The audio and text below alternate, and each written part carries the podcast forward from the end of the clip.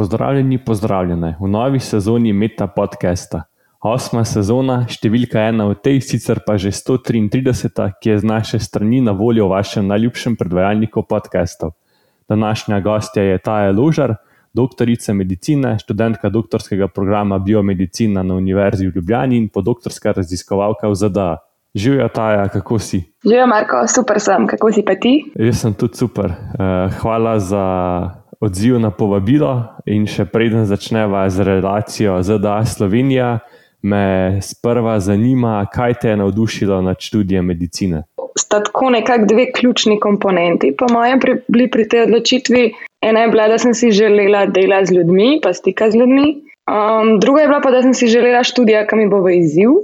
Uh, nekako sem vedela, da družboslovje mi kar leži, ampak mi ni dovolj v izziv. Matematika bi bila mal prevelik izziv medicina je bila pa glih ena super uh, umestna pot in danes sem tukaj. Če se ne motim, se raziskovalno bolj podrobno posvečaš področju onkologije. Kdaj si se začela navduševati nad tem področjem? Um, to se je zgodilo v tretjem letniku študija. V bistvu takrat smo uh, ravno imeli en velik predmet, patofiziologija, ki je strah in trepet večine študentov medicine. Takrat smo se učili tudi o biologiji raka, In uh, nam je profesor priporočil, da preberemo knjigo um, Kralj vseh bolezni, The Emperor of All Melodies. In jaz sem takrat to knjigo brala kot da je Biblija in se odločila, da um, to je to, kar mene zanima. In s tem je bilo konec motivacijske krize med študijem. In ja, takrat sem si potem tudi našla mentorico na Onkološkem inštitutu, začela pripravljati prvo retrospektivno študijo na metastatskih bolnikih z uh, rakom ščitnice um, se odločila, da bom pisala preširno nalogo in um, vse ostalo je zgodovina. E, s čim točno pa se ukvarjaš, a nam lahko na lajčen način razložiš? Se bom potrudila. Ukvarjam se v bistvu z vsem, kar je povezano z rakom, torej od preventive, nekakšnega zgodnega odkrivanja diagnostike. Pa do potem spremljanja poteka bolezni in um, napovedovanja odgovora na zdravljenje. Zdaj, na področju preventive in zgodnega odkrivanja, uh, Um, sem se, pa se še vedno do neke mere ukvarjam z preprečevanjem zgodnjim odkrivanjem raka na materničnem vratu. Um, v tem trenutku na Univerzi v Wisconsin in Madisonu um, pripravljamo raziskavo, v kateri, mi, v kateri bomo preizkušali eno novo napravo, v bistvu je samo odozemnik, um, ki lahko nadomesti preventivni bris pap, ki ga ženske trenutno upravljajo na tri leta pri ginekologu kot preventivni pregled. Pripravljamo tudi izobraževalna gradiva, delavnice na temo zgodnega odkrivanja in preprečevanja tega raka um, za eno ogroženo južnoazijsko manjšino v tej regiji. Um, te ženske imajo dokazano višjo stopno bolevnosti, umrljivosti za tem rakom, kar je predvidoma posledica nizke ozaveščenosti, pa nezaupanja v zdravstvo, pa tudi velikih kulturnih razlik. Um, za njih je kar nespremljivo, recimo, da je moški zdravnik ali pa tudi ta njihov pelvik exam, ginekološki pregled je za njih velik problem. Tako da upamo, da bomo lahko s prilagojenimi urodji, kot je naprimer um, neke vizualne, taktilne, um, taktilna um, izobraževalna gradiva, um, jih boljšo zavestali in spodbudili, da se bodo odeleževali preventivnih pregledov. Um, drug moj fokus trenutno je pa v bistvu. Um, validacija, torej potrditev enega novega celičnega označevalca, um, za katerega domnevamo na podlagi predkliničnih študij, da bi lahko napovedoval odgovor, odgovor na zdravljenje z imunoterapijo. Um, to je z kliničnega vidika za bolnike izjemnega pomena, ker jim bomo s tem prehranili neučinkovito zdravljenje, pa tudi lahko se bomo izognili potencijalno življenje ogrožajočim stranskim učinkom teh imunoterapevtskih zdravil. S tem pa tudi, da so ta zdravila v bistvu zelo draga in pač, um, če zdravilo ne bo učinkovalo, je bolj, da pač um, se ga ne predpiše. Ne? Ok, uh, v navezavi na diagnostiko, pa mogoče poznaje še malo na to promocijo pristopa, me zanima, uh, kaj več o neinvazivni diagnostiki. Torej, na področju neinvazivne diagnostike raka sem se jaz raziskovalno že tekom študija ukvarjala predvsem z metodo um, tekočinske biopsije.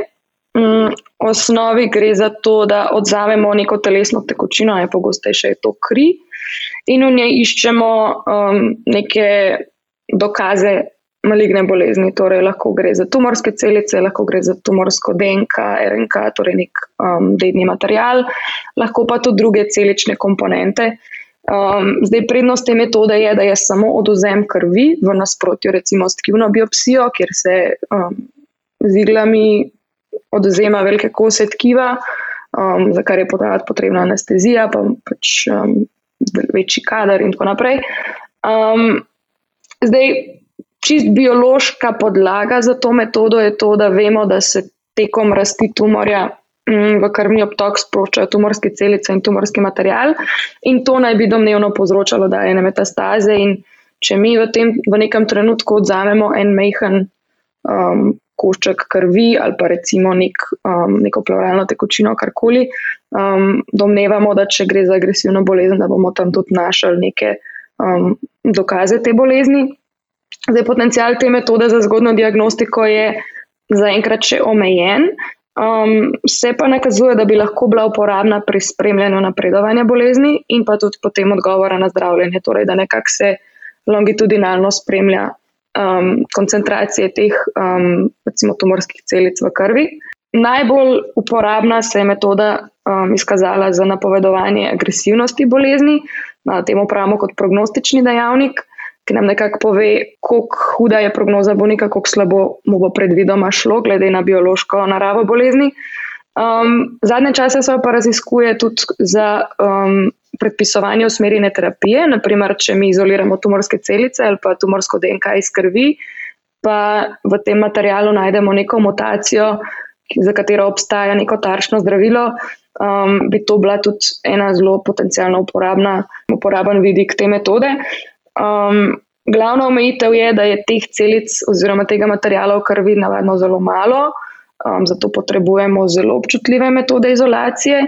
Um, in pa da imajo te celice, konkretno, zelo kratek čas preživetja v krvnem toku, ne vem, do dve uri, recimo. Um, na Onkološkem inštitutu smo preučevali eno metodo izolacije tumorskih celic iz krvi bolnic z zgodnjim rakom dojke, šlo je za prospektivno študijo. Tako da smo um, več kot 100 bolnic vključili in odzeli kri pred in po zdravljenju. Um, bili smo relativno neuspešni, ker je bila metoda slabo občutljiva, kar je nažalost res za večino teh metod. Um, je bilo pa to delo kasneje pol nagrajeno s preširno in krkino nagrado, tako da um, smo vseeno spostavili eno lepo sodelovanje pa klinično pot um, na Onkološkem inštitutu.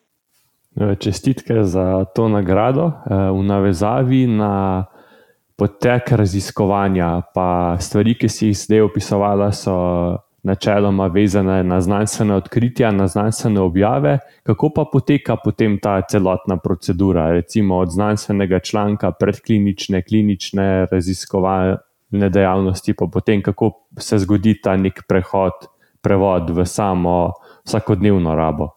Torej, temu, o čemer se zdaj pogovarjamo, mi pravimo translacijska onkologija oziroma translacijsko raziskovanje, torej da prevajamo neka odkritja temeljne bazične znanosti v klinično okolje. Kar se meni zdi predvsem pomembno, je, da so te predklinične temeljne raziskave podkrepljene z nekimi jasnimi raziskovalnimi vprašanji, torej da te raziskave usmerjajo ključne dileme, pri katerih se srečujemo, recimo pri zdravljenju in razumevanju bolezni. Jaz na to pač gledam kot zdravnik in si vedno želim odgovor na vprašanja, ki, ki bodo imele pol tudi neke praktične um, implikacije za človeško zdravje in tako naprej. Um, Torej, to je prvi korak, da imamo nek klinični problem, za katerega iščemo rešitev, in potem recimo, um, se odločimo, da bomo to najprej preiskovali v laboratoriju. Na laboratorijski stopni si lahko prvoščimo številne poglobljene raziskave, predvsem recimo molekularne raziskave, ker imamo neomejeno količino materijala, porabljamo celične linije ali pa miši. Um, in s tem materialom lahko tudi po mili volji manipuliramo. Torej, lahko um, dodamo neke genske variante, obsevamo kakorkoli. Um, in tega si v, recimo, v real life kliničnem okolju ne bi mogli prvoščati. Tako da eno brez drugega ne gre. Kar je pa potem naslednji korak, je pa, da se na naslednjo stopnjo, torej recimo, da se nekaj izkaže kot um, potencijalno na predklinični stopni, um, ko se premikamo na klinično stopnjo, da, je, um, da se premikamo na podlagi dovolj močnih dokazov. Um, pol pa, ko se premikamo recimo, okay, v v neko objavo, gre relativno hitro, ampak na stopnjo aplikacije v klinično prakso um, pride pa zelo malo študij, in tudi ponavadi so vsaj v onkologiji um, za neke resne spremembe potrebne velike količine študij, velike količine bolnikov, um, ki jih pa lahko pridobimo samo z nekim multicentričnim sodelovanjem, dolgotrajnim sodelovanjem. Um, tako da to so kar um, take veliki projekti. No. O kakšni časovnici pa recimo tukaj govorimo? Oh, um, v najboljšem primeru. Recimo od prvega zrna pa do tega, da bi nekaj dejansko prišlo v klinično prakso, lahko mine med 10 in 20 let. Um, recimo en do, dober primer tega je imunoterapija, um, tukaj je bila časovnica še daljša. Um, tako da um, konkretno pri moji raziskavi um, to, kar jaz zdaj poskušam prevesti v klinično prakso, so v mojem lebu raziskovali zadnjih 5-6 let. Uh, moje delo bo tudi predvidoma potekalo vsaj 4 leta, um, da se kaj pametnega pokaže, če sploh je nek potencial za uporabo na ljudeh. Um, pol pa kako se bo to na nekih velikih kohortah potrjevalo, lahko komod še par let čakamo. Um, tako da to so res kar ene dolgotrajne stvari. No. Wow, ja, pa je v bistvu tek na dolge proge, ker je potrebno veliko potrpežljivosti. Tako, tako. Uh, mogoče bo zdaj pravi trenutek za navezavo o zaveščanju in promociji to vrstnih stvari. Uh, in sicer Zora je eden izmed zelo uveljavljenih programov, ki ga v Sloveniji relativno dobro poznamo, ima tudi recimo neko medijsko pokritost. Uh, sama si pa bila tudi aktivna v tem programu, že kot študentka medicine. Eh, kaj si pravzaprav tam delala? Ja, jaz sem se programu pridružila kot študentka medicine, v bistvu najprej um, kot administrativna pomoč. Um, v bistvu sem se ogromno ukvarjala z citološkimi, histološkimi izvidi. Um, potem pa v bistvu po kakšnem letu, dveh, um, se začela vedno bolj upletati tudi v njihov raziskovalni um, vidik. Um, jaz sem si takrat res želela samo nekako um, ukvarjati z vsem, kar je povezano z onkologijo, in pri tej bolezni je žal še vedno najučinkovitejša strategija preventiva. Um, tako da jaz sem se tekom dela na tem programu ogromno naučila, ogromno čudovitih izkušenj in spominov imam na to obdobje. Um, dobila sem eno krasno mentorico. Um, kar lahko povem o tem programu, je, da so izjemno strokovni, izredno veliko mednarodnih povezav, uh, izredno so uh, investirani. Um, in program Zora spada med najuspešnejše preventivne programe v svetu. Lansko leto je um, o Zori pisal celo WHO. Um, tudi jaz sem v programu na kratko predavala študentom medicine na University of Wisconsin Medicine. Tako da um, imamo se s čim za pohvaliti in absolutno smo lahko ponosni na program, ki ga imamo pri nas. Ja, čim več takih uh, pozitivnih uh, programov, ali ne vem, kako naj se izrazim. Absolutno. Sedaj pa še ZDA, pa Wisconsin. Si, ampak preden se dotaknemo Wisconsina, v ZDA si se raziskovalno odpravila že kot asev štipendistka. Kaj ti je dala ta izkušnja, a je bil mogoče to nek vzvod potem za to podoktorsko pozicijo? Ja, absolutno je bil. Um, jaz sem se v Wisconsin odpravila že leta 2019 za celo poletje um, na raziskovalni obisk. Um, in to je bila res ena ogromna prelomnica v mojem življenju um, in v raziskovalnem smislu, in kar se tiče zdravniškega poklica. Um, jaz sem takrat tekom obiska ogromno krožila na onkoloških klinikah, pa laboratorijih, pa se družila z zdravniki, raziskovalci. In tam je raziskovanje tako en um, integralni del onkološkega dela, da je to tudi en od razlogov, da, da me to področje še toliko bolj privlači. Um, lahko bi rekla, da sem spoznala onkologijo na steroidi. um, Poznala sem mentorje, s katerimi sem potem tudi po odhodu ohranjala redne stike, so mi ogromno svetovali, pisali smo skupaj članke, tudi po vrnitvi v Slovenijo. Um, že tekom obiska sem spoznala tudi ameriški način zdravniškega dela s prednostmi in slabostmi. Uh, recimo od tega, da moraš preveriti, kakšno zavarovanje ima pacijent in katero zdravilo mu boš na podlagi tega svetoval, glede na to, da bo, bo zavarovalnica krila ali ne. Um, do njihovega izjemnega, izjemnega stika s pacijentom, oni so veliko bolj izučeni v teh uh, medosebnih odnosih. Um, to že skoraj malo spominja na customer service, um, ker vse imajo neko kompetitivno zdravstvo. Ampak uh, lahko marsikaj odnesemo od tega. Um, tam sem spoznala tudi enega izjemnega um, zdravnika, človeka, mentorja, ki mu danes lahko s ponosom rečem, da je moj šef. In uh, on mi je dal absolutni zagon, tako za delo v klinični medicini. Predvsem je dal pa samo zavest, da, da smo Slovenci v bistvu zelo konkurenčen kader in da, da ne ciljam visoko. In ja, danes delam kot postdoc um, na oddelku za onkologijo. Uh, sedaj pa še eno pod vprašanje na to temo, ker si ravno omenila različne poglede, recimo različne kulture, različne pristope, pluse, minuse. Kako pa recimo potem to usklajuješ tekom recimo, svojega raziskovalnega dela, kot recimo dela pa izobraževanja v praksi. Kako pač vedeti, kater plus ti pride recimo v Sloveniji, prav kater v ZDA, pa potem recimo kako na to gleda strokovno okolje, kot recimo tudi sami uh, udeleženci nekih uh, programov. Jaz si nekako poskušam potegniti iz obeh okolij najboljše. Um, v bistvu sem tudi sama v dosti velikem precepu, ker um, raziskovalne možnosti so vseeno v ZDA um, v tistem okolju veliko boljše kot pri nas, nažalost. Um, si pa ne predstavljam biti zdravnik v ZDA, mi je v bistvu to, kar um, tako neka malce zadržek imam do tega. No? Um, tako da sem v bistvu raz, razpeta med tem biti zdravnik v Evropi in delati kot raziskovalec. Um, v ZDA, zaenkrat mi to še uspeva. um, Ampak kar lahko povem, je to, da um, se mi zdi, da pri nas je pač imamo problem naše majhnosti. Um, na srečo imamo um, programe ljudi, organizacije kot je ASEF, uh, ki se trudijo širiti um, ta obzorja in širiti poglede ljudi, in upam, da se bo to um, nekako premaknilo tudi na naše, včasih malo bolj zaprto um, slovensko akademsko okolje.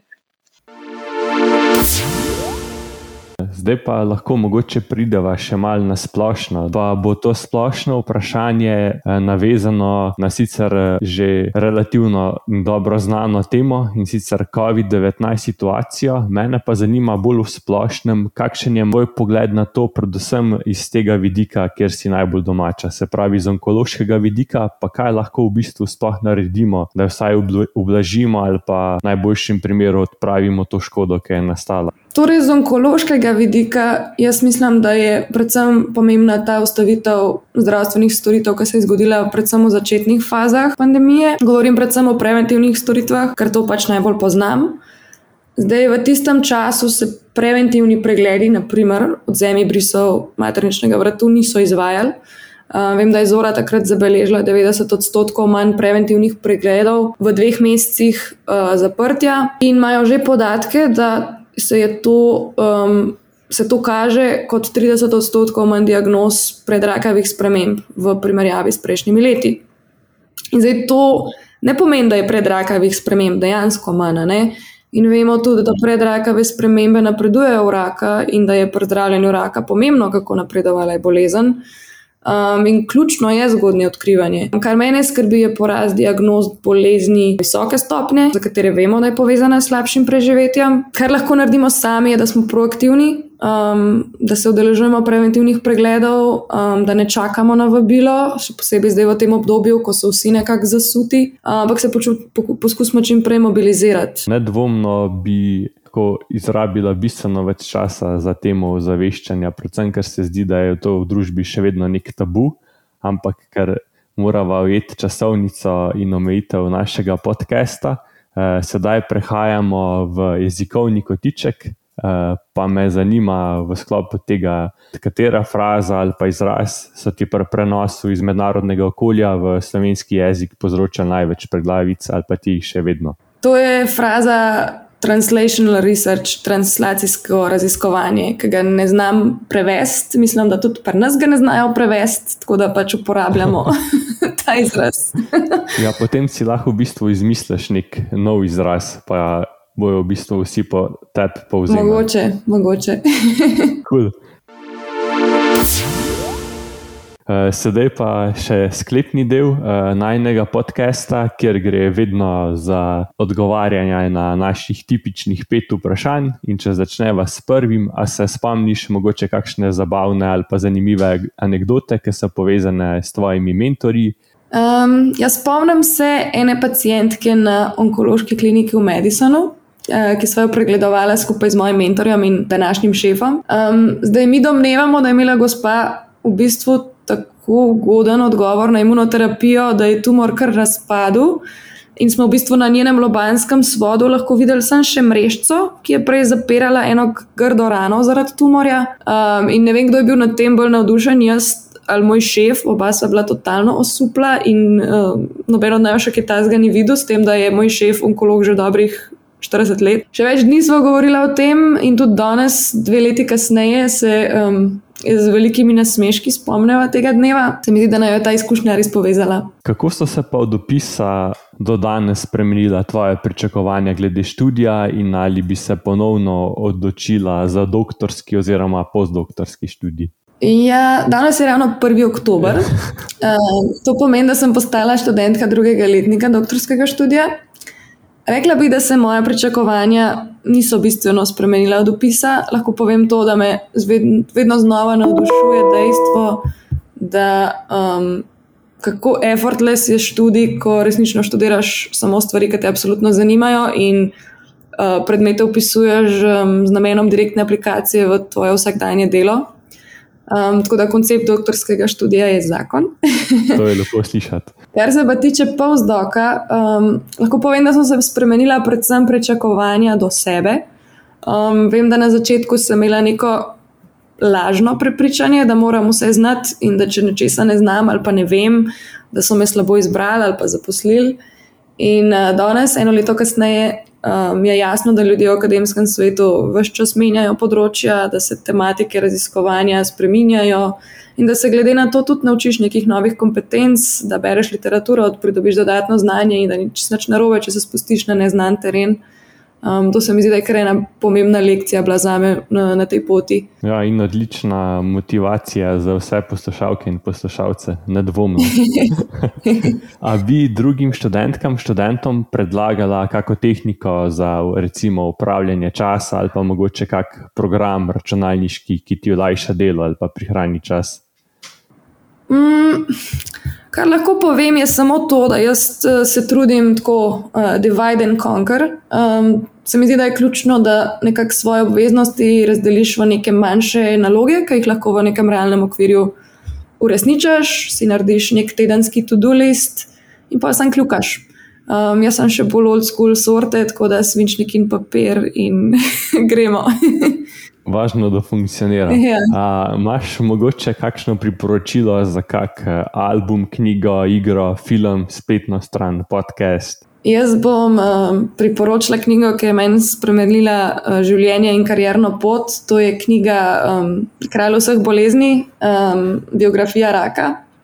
Tako nekako za boljše razumevanje, um, kako je to ena predkana bolezen, kakšni so zgodovinski, sociološki, kulturološki okviri, pa tudi kako daleč smo prišli v zdravljenju in kako daleč še moramo pridati. Ok, in sedaj še za konec, koga od nam znanih ali pa neznanih bi povabila na večerjo, če ne bi bilo nobenih omejitev? Upam, da bo komu znan. Uh, povabila bi Irvina Jaloma, To je psihiater, psihoterapeut, eh, dolgoletni profesor na Stanfordu, pionir eh, eksistencialne psihoterapije, skupinske terapije, avtor številnih knjig, tudi eh, poljudnih. Gospod je star 90 let, še vedno piše, še vedno sprema pacijente in predava. Ogromno je delal s terminalno bolnimi, predvsem onkološkimi bolniki, in on je eden mojih najljubših. Najlepša hvala za čas in za ta zanimiv odgovor, ki nam je dal polno enih novih informacij istočasno je ozaveščal. Tako da še enkrat hvala. Hvala, Marko, za povabilo. Poslušali ste Meta podcast, v katerem se pogovarjamo z mladimi znanstvenicami in mladimi znanstveniki iz različnih področji znanosti. Podcast domuje na spletišču metinalista.si, kjer najdete tudi druge zanimive znanstvene vsebine. Naše delo lahko podprete z donacijo Metini listi, pohvale, pripombe in predloge lahko posredujete na elektronski naslov znanost afnametinalista.si. Dobrodošli so tudi komentarji na Facebook profilu Metina Liste in Twitter računu, ki še ni izbrisan. afnametinalista.si se slišimo čez 14 dni.